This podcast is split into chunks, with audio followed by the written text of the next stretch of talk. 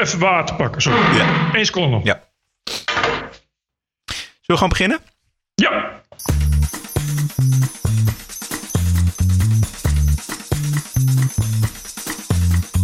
This is the TPO podcast.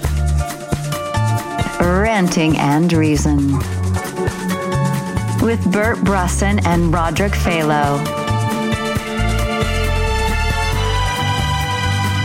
Anarchie in Amsterdam. No, no, no! We live here! This is breaking! Starbucks ging één dag dicht en is nu discriminatievrij. Zomaar vrije meningsuiting in de wetenschap, dat moeten we niet willen. Ik denk niet dat op een universiteit alles moet kunnen. Ik denk niet dat absolute vrijheid van meningsuiting echt een noodzakelijk vereiste is om een, om een universiteit te creëren die zo werkt als je dat wil. En seculier links klinkt zo. Wij financieren geen religieuze instellingen vanuit Nederland.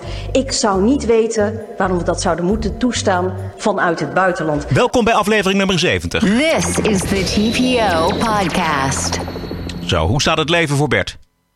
Lekker, warm, Ja. rustig, Waar zit je? vreed, vreedzaam. Ik zit nu weer eh, vlakbij Mogaan in het zuiden. Want eh, in Las Palmas eh, blijft het gewoon de hele tijd eh, regenachtig en koud en grijs. Daar ben ik nou juist voor gevlucht. Dus eh, ik, ik, zit hier nu, ik heb hier nu een maand een appartementje geboekt. Maar ik kan altijd terug heen en weer natuurlijk tussendoor. Oké, en je, eh, bij, het klinkt alsof je bijna op het balkon zit. Ik zit, ik zit wel vrijwel, vrijwel buiten. Want eh, ik, ik zit op de 4G van mijn telefoon. Oké, En, die ligt, en die ligt buiten. En eh, mijn, mijn, ah, mijn MacBook wilde weer niet connecten over die afstand. Dus ja, daarom ga ik wel buiten zitten. Er is toch niemand verder buiten. oké. Weet jij nog wanneer jij in de hoofdstad bent komen wonen? Ah, volgens mij 2012. Oké, dat Kan is dat zes, ja, zo 2012 volgens mij. nou, vrij, vrij laat dus eigenlijk. Of Eh, 2011, maar... Ja. Ik zat hier al in 1977 op de middelbare school en maakte de krakersrellen aan den lijve mee. Het witte hoekhuis op de kruising van de Amsterdamse Vondelstraat en de Constantijn Huygenstraat heeft nationale bekendheid gekregen. Na een vergeefse poging van de politie om het gekraakte pand te ontruimen, waarbij veel agenten gewond waren geraakt, hadden de krakers op alle toegangswegen naar het huis barricades opgeworpen om een nieuwe ontruimingsactie te verhinderen. Dit zijn de krakersrellen in de Vondelstraat in 1980. De de veldslag eh, bij de Vondelstraat, een grote wit pand op de hoek. Ik ben daar later nog eh, in de buurt gaan wonen. eh, aan de andere kant van de Vondelpark. En dat was echt een veldslag. Nou ja, onder andere door dit soort krakersrellen eh, is sinds 1 oktober 2010 het kraken in Nederland verboden.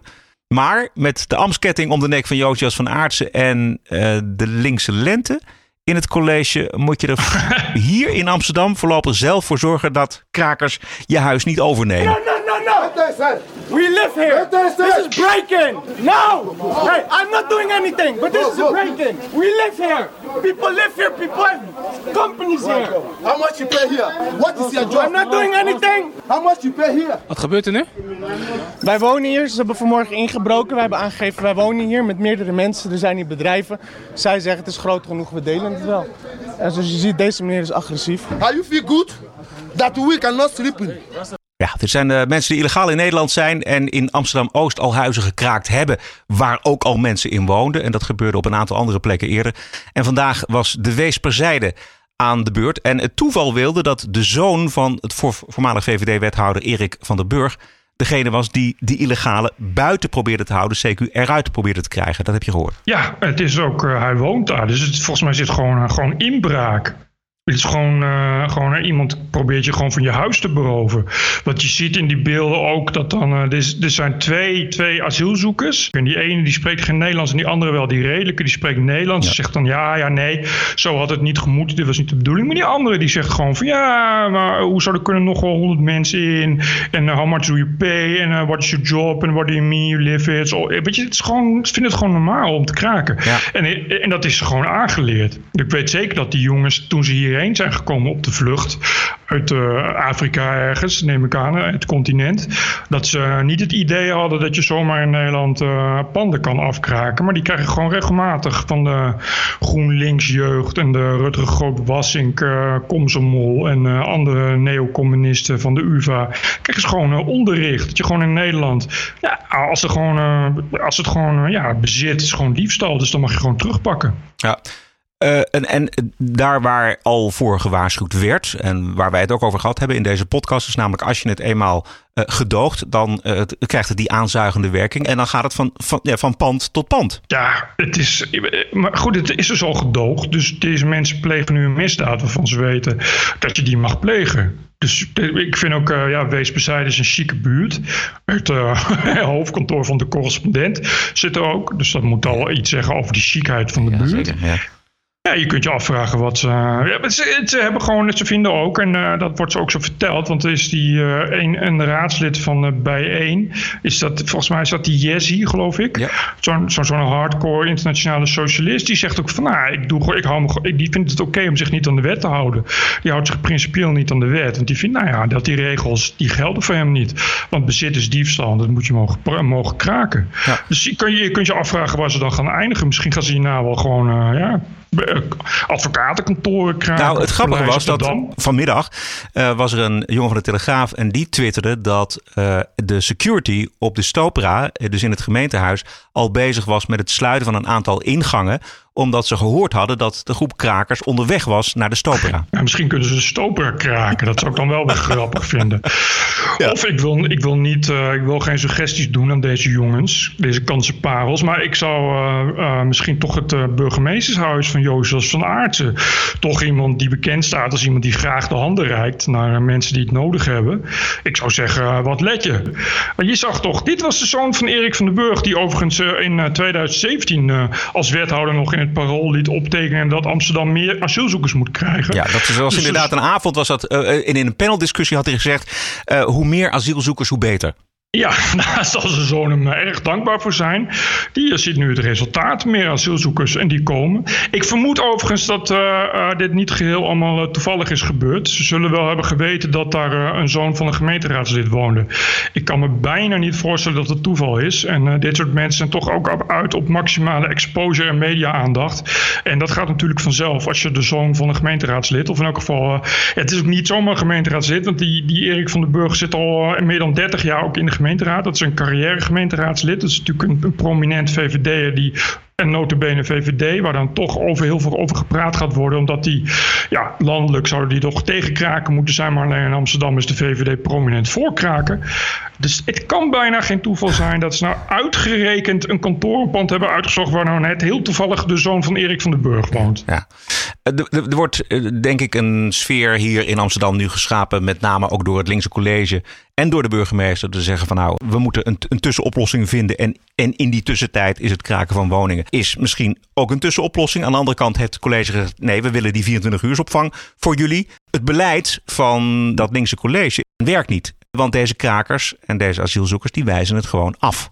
Ja, het, ik vond het zo mooi dat het beleid nu al niet werkt. Je weet dat het bij, bij extreem links beleid meestal snel gaat, dat uitwijkt, uitwijst dat het niet werkt. Maar dit is wel heel snel. Ja, dit was al bijna, bijna te snel. Ja. Je zou daar bijna nog wat achter zoeken. Maar goed, uh, ik ben benieuwd uh, hoe uh, de Rutger Grootbas in coalitie op gaat reageren. Hebben ze daar al op gereageerd? Want het afwijzen was toch wel vrij drastisch inderdaad. Ja, dit was behoorlijk. Er is nog niet op gereageerd. Ik zag wel een uh, discussie tussen Annabel Nallinga van Forum voor Democratie en ja. iemand van GroenLinks uit, uh, uit de raad. En wat je ook ziet bij mensen van GroenLinks is dat ze terugpakken op het verleden. Hè. De krakers hebben ook wel degelijk iets waardevols gedaan in Amsterdam. En dat is natuurlijk ook zo, want ze hebben, ja, zonder die krakers was de Nieuwmarkt en de Jordaan eigenlijk volledig plat gegaan. Hè. Cityvorming volgens PvdA buurtsloper Han Lammers, die, die in de jaren 60 en 70 aan de gang is gegaan. Ja, dat hebben die krakers natuurlijk weten te voorkomen. Die credits, die krijgen ze wel. Maar de krakers van toen zijn natuurlijk absoluut niet meer te vergelijken met de krakers van nu. En overigens ook niet met de krakers van de jaren 80. Omdat ze vooral voor zichzelf gekraakt hebben. En dat zie je nu weer gebeuren. Ja, precies. Nee, kijk, je kunt ook niet. Weet je, het is ook niet erg dat de gemeente. Want ik weet dat de, Van der Laan heeft ook heel, nog, nog heel veel gezeik gehad. Ook met, met Frankrijk, zo'n krakersbolwerk. In de Spuistraat, die, In de Spuistraat, waar die. Waar die uh, heeft dat toch, weet je, dat ging heel vaak mis. En daar heeft hij toch een soort van deal ge- gesloten. En dat is ook niet erg, denk ik. Je kan inderdaad best zeggen dat die jongens daar, eh, weet je, als ze zich gedraagt, is het oké. maar daar gaat het nu niet meer om. Nee. Een soort communistisch college komt met een oplossing en dat willen ze ook niet. En dan wordt het dus een probleem. En dan wordt het een olie op het vuur. Want nu krijg je dus dat ze inderdaad bewust gaan kraken om zoveel mogelijk eh, te laten zien hoe, hoe tegen ze zijn en hoe graag ze eh, hulp willen. Ja, nou, er zit nog een ander argument achter dat kraken. Namelijk dat als ze die 24 uur opvang wel accepteren, dan zit daar altijd aan vast. Of je het nou wordt uitgevoerd of niet. Maar dan zit er altijd aan vast dat er een procedure wordt gestart om hen terug te krijgen naar het land waar ze vandaan komen. En dus gaan ze kraken. En niet naar die 24 uur opvang. Precies. Nou, het laatste woord is daar nog niet eh, over gezegd. En ook het laatste pand is nog niet gekraakt volgens mij. Dat gaat nog wel even door.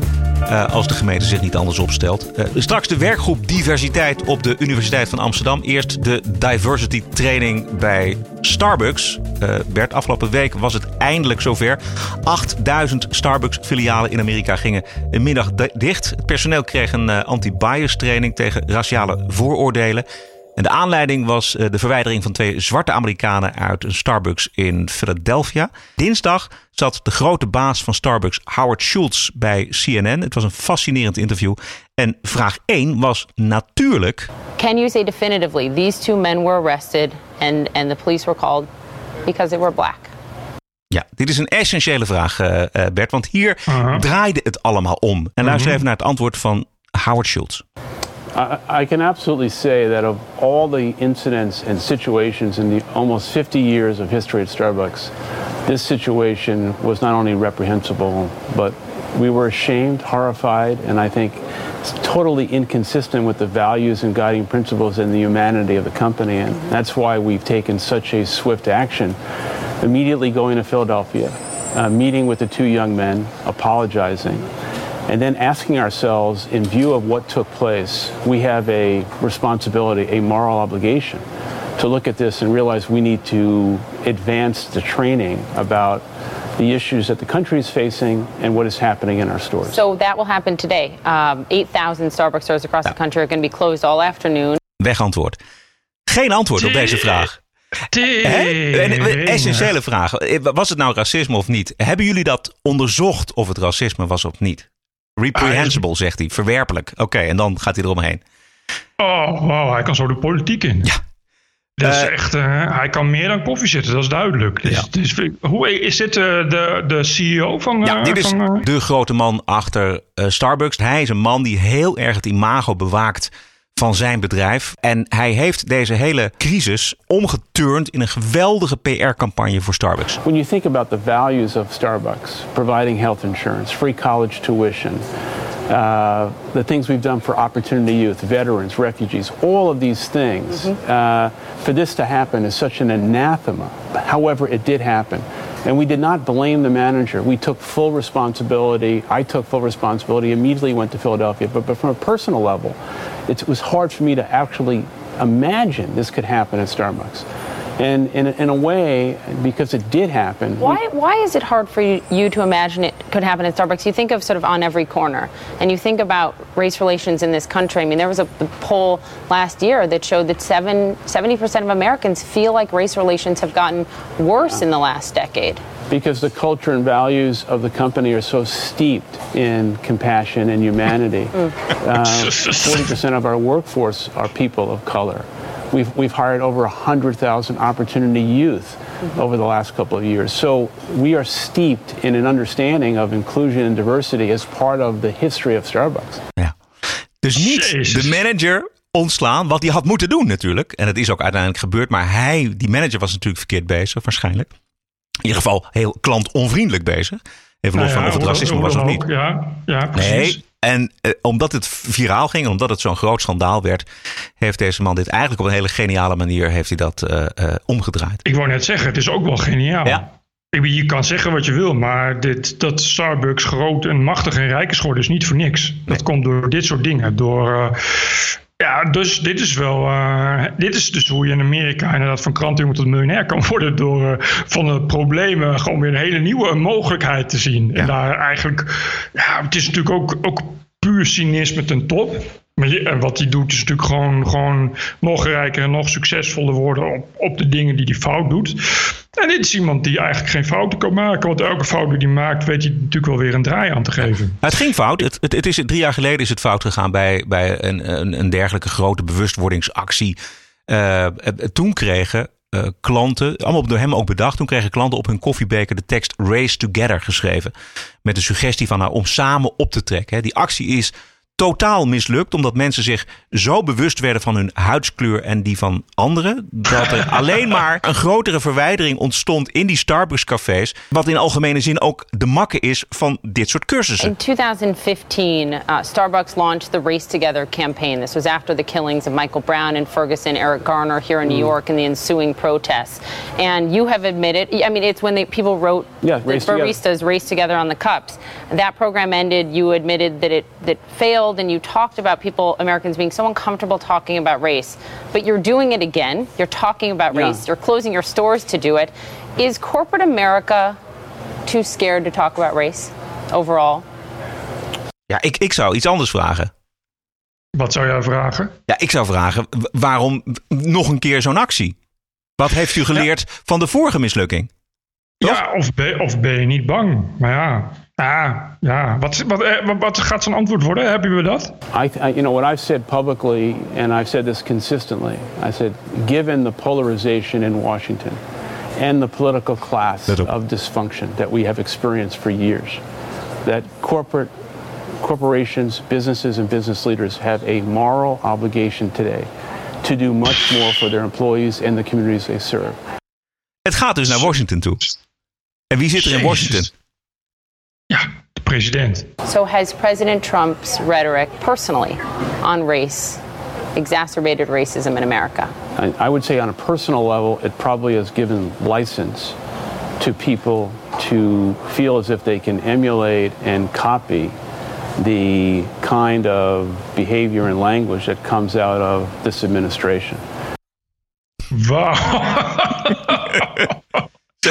Zo, zo, zo, zo- Dit en dit dit is CNN, dus zo het cirkel weer rond.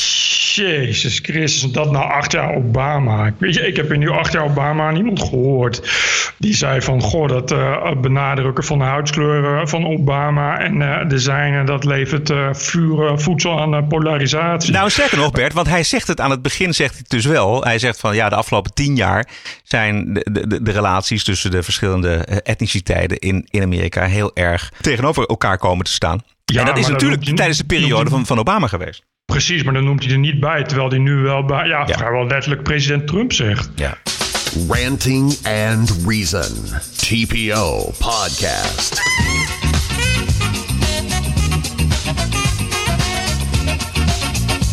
De Universiteit van Amsterdam eh, spelen twee zaken. De werkgroep Identiteitspolitiek en Francisco van Jolen, eh, die daar college gaat geven. Bert, jij hebt even over het eerste. Jij hebt je nogal druk gemaakt over dat laatste. Nou ja, het is niet college, het is, eh, maar wel in samenwerking met de faculteit gedragswetenschappen, ja, de, in eh SPUI 25. Dat is een soort, eh, soort de rode hoed, maar dan voor linkse intellectuelen. Die hebben een, een of andere avond over nepnieuws. En daar is Francisco van Jolen dus ook spreker of panellid. Nou, als toch iemand in Nederland een groot nepnieuwsproducent is, dan is het Francisco van Jolen wel. Je trekt moeiteloos een hele zak eh, eh, voorbeelden uit, je, uit, de, uit de hoge hoed. eh, waaruit blijkt dat eh Joop.nl vooral alles heeft gedaan om eh, de verkeerde aan de schandpaal te nagelen. eh, geen feitelijk onderzoek te doen en nepnieuws te produceren. Eh, klap de vuurpijl was destijds dat eh, eh, Francisco Viola bewust een eh, video heeft gemaakt. Echt manipulatie om eh, eh, de Bali en eh Juri Albrecht in een, eh, ja, in een echt een haatzijn daglicht als eh, moslimhaat te kunnen, kunnen plaatsen. En dat was echt, ja, dat was echt zuiver, zuiver nepnieuws. Daar zou eh, Poetin eh, nog, eh, nog blij mee zijn als hij dat zo zou kunnen maken. Dus het is natuurlijk absurd als je zo iemand gaat uitnodigen. Dan hebben we het ook nog eens een keer iemand die ja, bewezen MeToo-pleger is. Ik vind het echt, echt buiten alle proporties om dan zo iemand te gaan uitnodigen. Wanneer is dat? Ik, ik, ergens, eh, ergens 11 juni of zo, ik heb geen idee. Oké, maar nou, nou kunnen maar- wij, precies, maar nou kunnen wij natuurlijk via deze podcast eh, mensen oproepen eh, om daarheen te gaan. en deze nou, vragen, deze noodzakelijke vragen te stellen. Nou, dat wel. Als je, dan moet je wel netjes blijven. Ik ben er niet zo voor om eh, hetzelfde te doen als, uh, als linkstuig en uh, mensen met veel lawaai op platformen. Maar ik vind echt dat je, nou ja, zo, Marie Hemelrijk is er bijvoorbeeld goed in om, om inderdaad keurig, die, die loopt vaak al dat soort dingen af en die stelt dan gewoon inderdaad keurige kritische vragen. En jij en als touwzing is daar natuurlijk ook, ook heel erg bedreven in. Ja. Als dat soort, dat soort mensen gaan, dan moet je toch inderdaad, leg vooral Francisco Viola het vuur aan de schenen. ja, je, ik, je kan bij mij, maar je kan het ook op geen Stel, je, doet, je kan ook op Google doe je uh, veeljoop.nl of veeljoop.nl spoort verkeerde. En dan krijg je 3000 voorbeelden van uh, de verkeerde slachtoffers die onder uh, joop.nl zijn gevallen. Dus dat moet niet zo'n moeite zijn. En iedereen weet van het MeToo-verhaal ook, van Francisco Viola. Dus je zou ook denken dat dat in een links publiek met medewerking van de faculteit gedragswetenschappen van de UvA toch op een bepaald soort kritiek moet stuiten. Maar ik heb er hard op hoofd in, want het is toch altijd weer ons kent ons. En uh, als het uit de linkse hoek komt, dan is nepnieuws natuurlijk uh, een stuk minder erg dan, dan dat het uit de zogenaamde rechts. Maar je hebt er maar één nodig, Bert. Komt. Je hebt er maar één nodig die, die, die op een keurige manier deze vragen stelt. En dan niet op de manier zoals Bert Brussen daarover schrijft op de TPO. Maar nee. iemand die, die op een hele keurige en beschaafde manier toch de goede vragen stelt. Nou, het zou best kunnen dat er mensen zijn. Misschien gaat Marie wel, inderdaad. Marie Hemelrijk. Die heb je, want je gaat een fragment laten Ja, zeker. Want het, het, tweede onderdeel wat betreft de Universiteit van Amsterdam uh, betreft de werkgroep Identiteitspolitiek. Dat is een onderdeel volgens mij van filosofie. Uh, wat vooral opvalt is de overmacht aan linkse social justice studenten. En een splintergroepje studenten die er heel anders over denkt. Uh, dat is mooi opgetekend door de podcast De Onvolmaakte Universiteit van de Universiteit van Amsterdam. En ik heb een paar fragmenten. We beginnen met Marie op rechts. Die hele werkgroep ging echt al mijn stoutste dromen te boven. Hoe mensen reageerden en wat voor punten er werden aangedragen. Um, en het was in die zin ook wel een werkgroep die eigenlijk het soort stereotype is van hoe uh, ja, dan de rechtse Twitter-crowd, zal ik maar zeggen, denkt dat het er aan de UvA aan toe gaat. Uh, dus dat was voor mij heel interessant om te zien dat dat ook in sommige werkgroepen kennelijk echt zo gaat. Eigenlijk vanaf de eerste werkgroep was het al duidelijk hoe de rollen waren verdeeld. Dit is de, de, de ondervrager van de podcast. Heel gepassioneerd was over identiteitspolitiek en ook heel activistisch. En um, ja, ook best wel een beetje intolerant naar andere meningen toe. En um, ik had toen een opmerking gemaakt die bij uh, een aantal mensen in de klas niet goed viel. En waar ze helemaal van uh, uit hun stoel sprongen, zeg maar. en toen haakte dus één andere jongen die haakte in op die opmerking. En die um, ja, gaf een soort van steun aan wat ik zei. Die ondersteunde mijn, mijn punt. En toen waren de rollen meteen verdeeld. Ja, en toen bleken ze eigenlijk meteen van... oké, okay, het is deze twee mensen versus de rest van de klas. Dit zijn dus de verhoudingen dan hè, in die, in die werkgroep. Uh, zij moeten dus met z'n tweeën opboksen tegen de muur van wat je in het dagelijks leven extreem links zou noemen. En een van hen is Pascal. Er zijn af en toe uitspraken gedaan die uh, mijns inziens gewoon helemaal niet kunnen. En dan moet je dan, moet je dan op gaan reageren. en nou ja, ik vond, zeg maar, we zullen daar vast zo nog op terugkomen. Maar er waren vooral, zoals het mij nog bij staat, twee mensen die heel erg uh, uh, van mening um, verschilde met de andere mensen in de werkgroep, al waren die ook geen homogene groep. En uh, ja, zij waren, laten we zeggen, een moeilijk gesprekspartner, omdat het voor mijn, voor mijn idee daar niet echt een wederzijds gesprek mogelijk was, maar men meer uh, talking at each other in plaats van talking with each other. Ja, hij noemt het hier dus emotioneel vermoeiend. Maar inderdaad, de gemoederen liepen soms hoog op in de werkgroep. Uh, dat was vooral zwaar, denk ik, voor de mensen die bij die rechtse minderheid uh, hoorden. Omdat zij telkens ze gewoon ook maar iets zeiden, meteen werden aangevallen op wat je nu zegt is racistisch, is seksistisch, kan niet, klaar. Ja, ook, het was ook best wel, best wel absurd om te zien, omdat bij best wel gematigde standpunten eigenlijk helemaal niet hele bijzondere dingen of zo.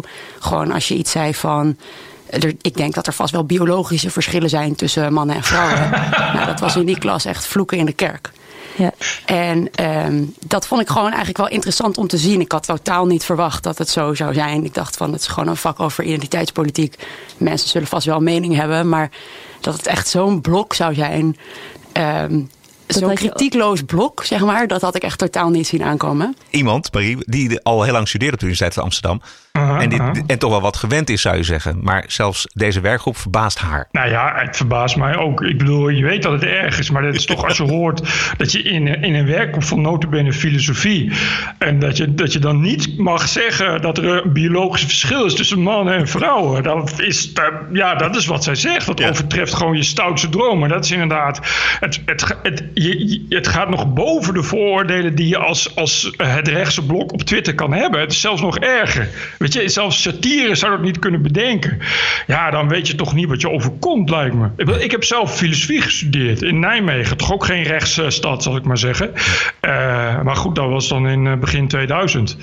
Maar ik heb nog nooit dit soort dingen meegemaakt. Ik bedoel, daar was ook wel iedereen links.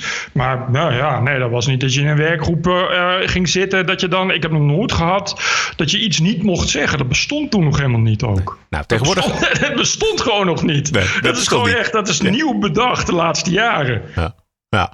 Uh, hoe dogmatisch en eigenlijk ook awetenschappelijk links op de Universiteit van Amsterdam is, dat, dat hebben ze zelf niet eens door. Want de redenering is eigenlijk: de status quo deugt niet, is onrechtvaardig. En de universiteit is er om die status quo te veranderen ten goede. En dus moet de universiteit kiezen voor verandering.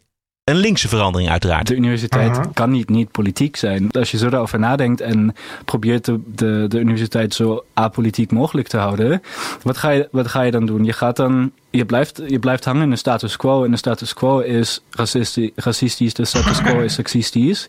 En wat je dan, zeg maar, er is zoiets als neutraliteit is gewoon niet mogelijk. Je kunt, je kunt of proberen het de goede kant op te laten gaan, daarvoor, daarvoor werken. Of als je dat niet doet, dan ben je slecht bezig in de zin van dat je dan de status quo actief onderhoudt. Ik vind het ook, ik vind het een rare notie, maar ergens moet je rechtse meningen vast ook wel kunnen bediscussiëren. En moet je ook, moet je ook de mogelijkheid kunnen hebben om met dat soort mensen te spreken en ze ideaal idealiter te overtuigen. Maar ik denk niet dat op een universiteit alles moet kunnen. Ik denk niet dat absolute vrijheid van meningsuiting echt een noodzakelijk vereiste is om een, om een universiteit te creëren die zo werkt als je dat wil. Alsjeblieft. Het is toch de momenten waar ik blij ben dat we gewoon een wapenwet hebben in Nederland. Als je dit soort mensen een wapen geeft, voorspel ik je dat ze binnen drie maanden tot de conclusie komen dat het afvuren van een wapen op sommige mensen eigenlijk gewoon gerechtvaardigd is. Dit hoor je hem gewoon zeggen. Van dat als je neutraal bent, dan ben je gewoon fout. De universiteit kan niet neutraal zijn, want dan uh, houden ze de status quo in stand. En die is fout. Dat bepaalt hij zelf natuurlijk dat het fout is. Dus uh, je moet je dus kennelijk ja, verzetten, anders ben je fout. Het is echt doodeng. Nou, je hoort hier gewoon iemand met droge ogen zeggen... dat er geen absolute vrijheid van meningsuiting is... op notabene een universiteit. Je kunt je dus afvragen welke vakken er volgens dit soort mensen... eigenlijk geschrapt moeten gaan worden... en welke boeken we niet meer mogen gaan lezen. Want ja, hey, de meningsuiting is nou eenmaal niet absoluut... en je hebt goede en foute meningen. Dus sommige, mensen zullen, sommige dingen zullen moeten verdwijnen. En ja, je weet, nadat het boeken en uh, ideeën verdwijnen... moeten ook de mensen een keer verdwijnen die fout zijn, weet je niet? Ja mijn tijd, want ik heb in de jaren 80, uh, begin jaren 90 gestudeerd, politicologie op de Universiteit van Amsterdam. Bij ons was bijvoorbeeld het theoretisch kader altijd de klassenstrijd. Dus eh, voor alles, internationale betrekkingen, politieke geschiedenis, politieke economie, alles moest in het marxistisch kader. En een overgrote meerderheid van de studenten dacht precies zo. Ja. Ik heb nog één voorbeeld vraag in de werkgroep hoe om te gaan met onderdrukte identiteiten die elkaar onderdrukken. Bijvoorbeeld dat je nu ziet dat er dan steeds meer geweld wordt gepleegd tegen homo's. En dat wordt dan gepleegd door moslims. Dus ja, hoe zou je dat dan uh, duiden als identiteitspolitiek activist? Ja, die hele klas die ontplofte gewoon meteen een hele discussie. Ja, er is niet zoiets als de islam, dat kan je niet zeggen. En toen was er dus die oudere meneer. En die zei van ja, nou ja, hè, moslims. Ja, kijk, je moet het gewoon zo zien. Uh, ja, zij zijn 600 jaar later begonnen dan wij. Dus zij lopen gewoon nog 600 jaar achter. Dus als wij nog eventjes uh, afwachten, dan komen zij vanzelf ook bij een verlichting. waarin ze allemaal leuk en aardig gaan doen, zal ik maar zeggen. Ja. En de geschoktheid van die klas bij het horen van deze mening. dat was voor mij ook echt. Ik dacht van, wauw, spreken jullie wel eens mensen die die niet filosofie studeren aan de UvA en die niet het maagdenhuis bezetten. Ik schrok ervan dat iemand dat daadwerkelijk zei. Ik bedoel, in eerste instantie een soort van holy fuck. Ik denk dat je zoiets als wat die oude man zei, dat moet je gewoon niet zeggen. Dat, het, is gewoon, het is gewoon echt veel te laat om dat soort dingen nog te zeggen. Dus wat mij betreft had je dat best kunnen weren. Maar ik bedoel, uiteindelijk schiet je daar ook niks mee op. Ja, ja. nou ja, ik, eh, Marie zegt het al. Het jullie wel eens iemand anders die niet het maagdenhuis bezet. Eh, en daar is natuurlijk een punt. Het is natuurlijk een, eh, ja, een bubbel waarin die mensen zitten. heet. Die hebben ook geen idee. En die worden, dat is misschien wel goed, die worden dus nu toch wel geconfronteerd met het feit dat mensen ook andere dingen zeggen. Maar wat mij zorgen baart is dat kennelijk de universiteit en niemand daar iets aan doet. Dat, dat het edt het maar zo'n beetje door. En dit soort mensen die groeien kennelijk op met het idee dat er bepaalde dingen wel en niet mogen gezegd mogen worden. En dat de neutraliteit niet bestaat. En dat er één waarheid is die het waard is om voor te strijden. En dat is natuurlijk wel een beetje eng. Ja, precies. En ook dat de verhoudingen in zo'n werkgroep, maar misschien is dat te verwachten, maar dat die verhoudingen zo, zo ontzettend scheef liggen. Weet je, wel? Marie was met nog één andere jongen tegenover 50 anderen. Weet je, die, ja, die- nee, eh, ik, vind wel, kijk, eh, dat is wat ik zeg. dit is natuurlijk een werkgroep identiteitspolitiek bij filosofie aan de UVA. Het is natuurlijk, je kan daar een beetje van verwachten. Dat is natuurlijk ook wat Marie eh, eh, wilde ondervinden. Of het inderdaad zo erg als verwacht. Ja, het is zo erg, het is nog erger. Dus wat dat betreft eh, zijn er ongetwijfeld nog voldoende studies en werkgroepen waar het allemaal wat minder aan toe gaat. Maar toch, ik vind als je zo iemand hoort zeggen dat mij, vrijheid van meningsuiting niet bestaat. En ook echt dat hij zegt dat hij echt geschokt is. Dat, die, dat iemand iets zegt wat gewoon waar is. Moslims lopen 600 jaar, ik vind 600 jaar nog mild. Ja, maar hoezo mag je dat niet zeggen? Weet je, dat, dat als je dan zegt van ja, maar de, eh, eh, de islam is tegen homoseksualiteit. Ja, nee, de islam bestaat niet. Dat mag je niet zeggen. Dat mensen echt boos worden. Echt gekwetst, geëmotioneerd. Ja, Van iets wat gewoon, ja, lijkt me vrij waar allemaal. Wie de hele podcast wil luisteren, moet even zoeken op de onvolmaakte universiteit en dan kom je er vanzelf. This is the TPO podcast. Deze week behandelt de Tweede Kamer een wetsvoorstel die discriminatie tegen transgenders expliciet in de wet moet opnemen. Dat is een voorstel van Partij van de Arbeid, D66 en GroenLinks in de Tweede Kamer. En dat is volgens de transgenders zelf hard nodig. Ik vind het eigenlijk ontzettend. We stonden ooit in de top 3 en nu staan we neer eens meer in de top 10. Belangenorganisaties voor LHTBI'ers roepen al veel langer dat het vaker misgaat. Ook transgenders worden vaker gediscrimineerd, bijvoorbeeld op de arbeidsmarkt. Zo ook Esmee, die gepest werd op haar werk nadat ze ervoor uitkwam dat ze transgender is. Ze werd er op een gegeven moment ook voor mij eh, de naam eh, Diva geïntroduceerd. Begon bij een medewerker van de afdeling HR. En dat werd vervolgens ook weer overgenomen door mijn manager. Transpersonen die gewoon ontslagen worden, weggepest worden, eh, niet aangenomen vanwege een transgender uiterlijk of vanwege dat ze te lang afwezig zijn vanwege een transitie. Ja, er is wel een zwangerschapsverlof.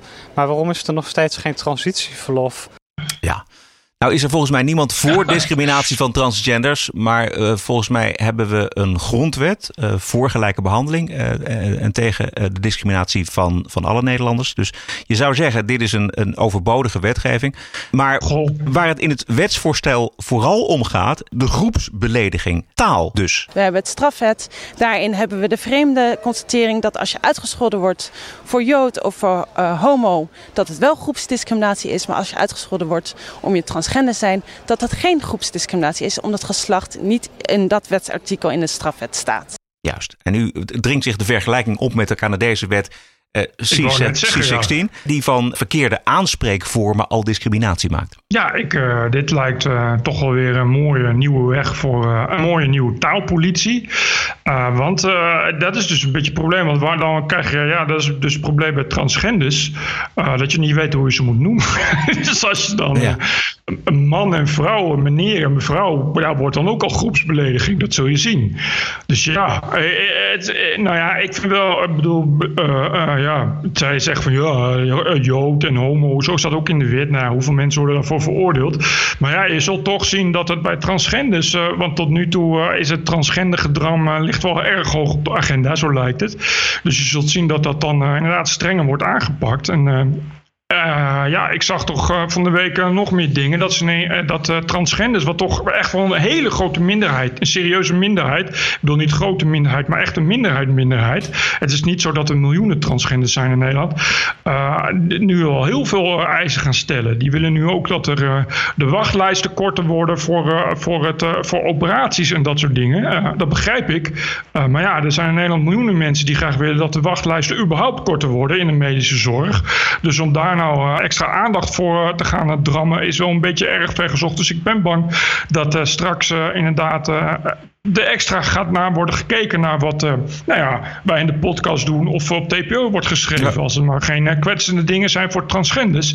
En je weet dus maar nooit hoe kwetsend dat is. We hebben net al in een andere podcast van de universiteit gehoord hoe snel iets kwetsend kan zijn als je iets zegt of vindt. Ongoing governmental efforts are pushing for a gender neutral society to cater to an extraordinarily small number of non binary or non gendered people who feel marginalized at having to provide their biological sex as part of their profiles.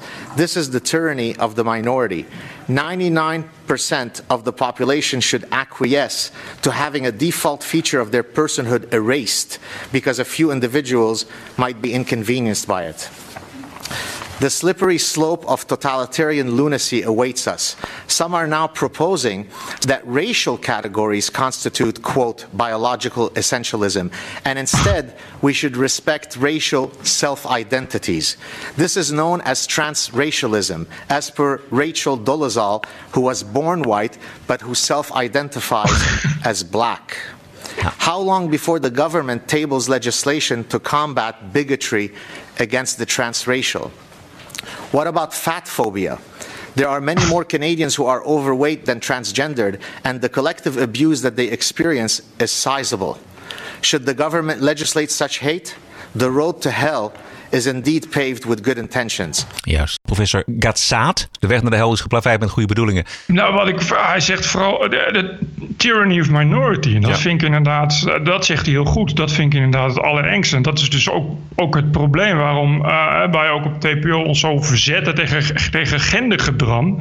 eh, is dat het wel heel erg veel aandacht is voor een wel heel erg kleine minderheid. Ik las dat het 0,02%, nog niet eens 0,02% van de bevolking is. Ja, het is echt totaal ook in de tienduizenden op 17 miljoen. Dus weet je, eh, je kan, en, en je kan dus echt van elke andere minderheid zijn er al veel meer. Weet je, en, en, en je kan denk ik eh, wel honderd bevolkingsgroepen noemen die ook graag aandacht zouden willen voor een probleem, maar die ook absoluut nooit gaan krijgen, gewoon omdat het een kleine minderheid is.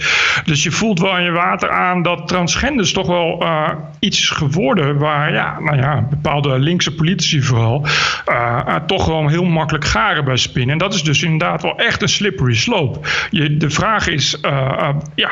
Kijk, hij, hij geeft die voorbeelden al. Je, je, je gaat dat. De social justice warriors gaan er naar alles claimen. Ik vind het wel een beetje een verhaal van één vinger en een hele hand. Als je dit soort dingen in de wet gaat zetten, dan krijg je inderdaad dat je straks helemaal niets meer over moslims mag zeggen, omdat de islam niet bestaat. En dat je dus ook iemand geen moslim meer mag noemen. En dat je eh, inderdaad. eh, ja, dan krijg je de absurde dingen als mensen die wit zijn, maar zich zwart voelen. En dat je dan niet meer mag zeggen: ja, maar jij bent, jij bent blank. En dat mag dan niet, want dat is strafbaar. Want dan Weet je, je kan zo eeuwig doorgaan. TPO Podcast.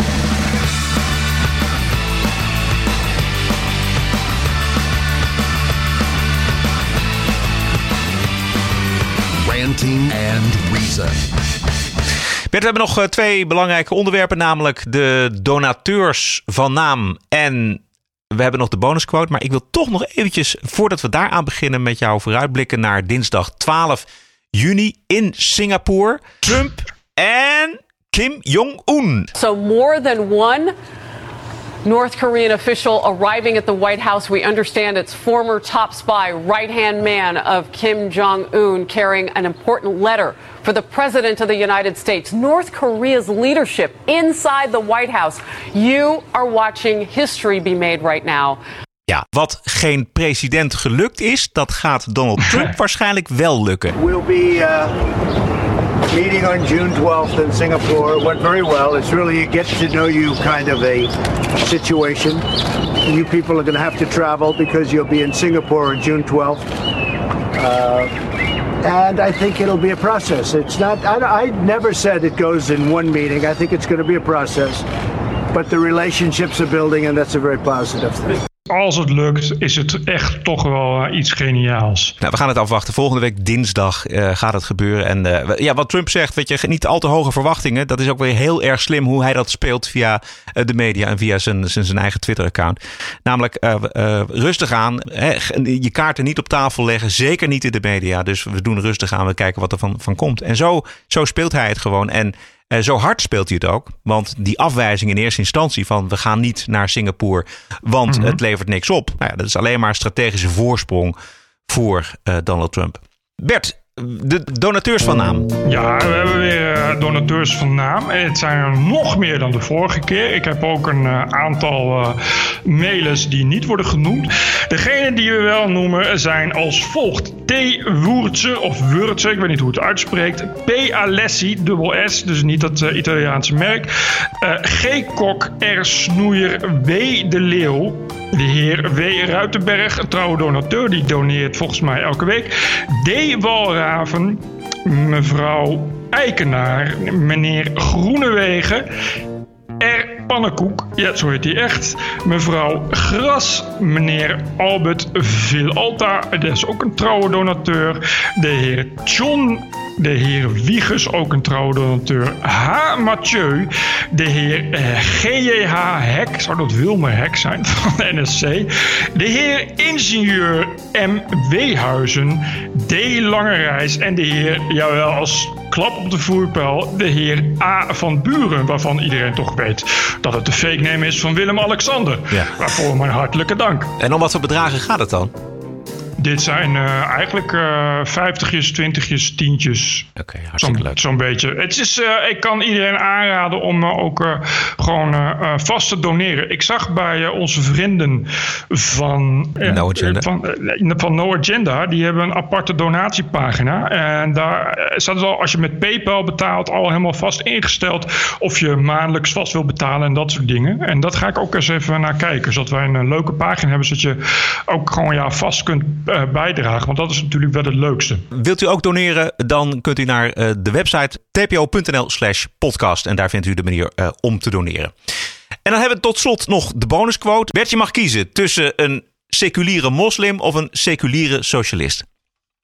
Uh, doe mij maar de seculiere moslim. En dat is de uh, geweldige presentator van het talkradiostation LBC in Londen, Majid Nawaz. En die heeft een ah. oplossing voor de term Islamofobia. And this brings me to the term Islamophobia, which is one of the biggest misnomers ever to have come about in recent years.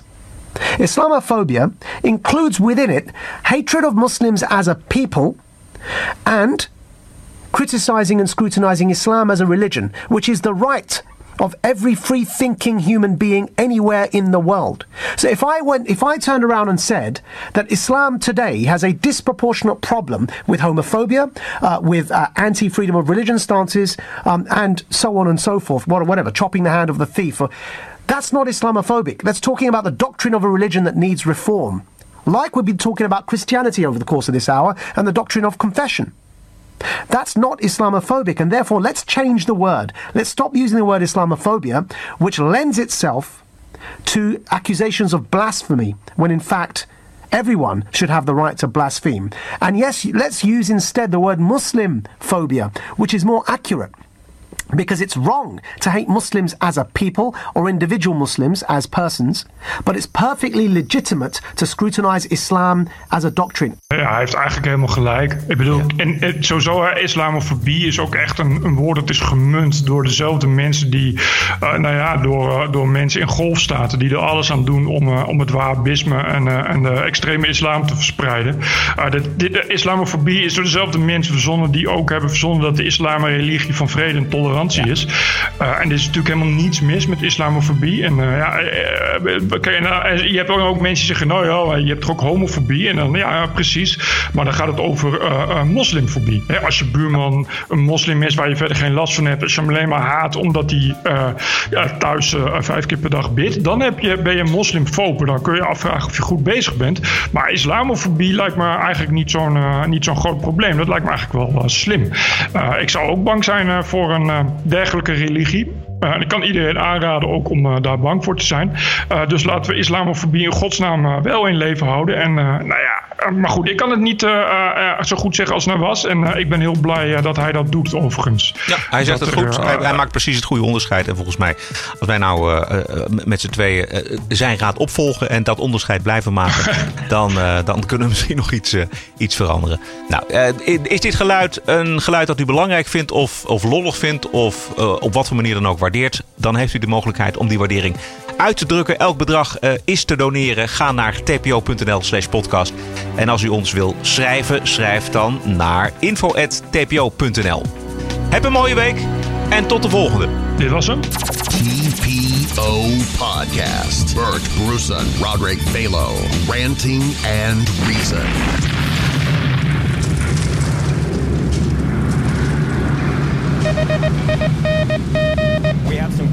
News. It is the end of an era. Howard Schultz, executive chairman of Starbucks, stepping down from the company and the company's board.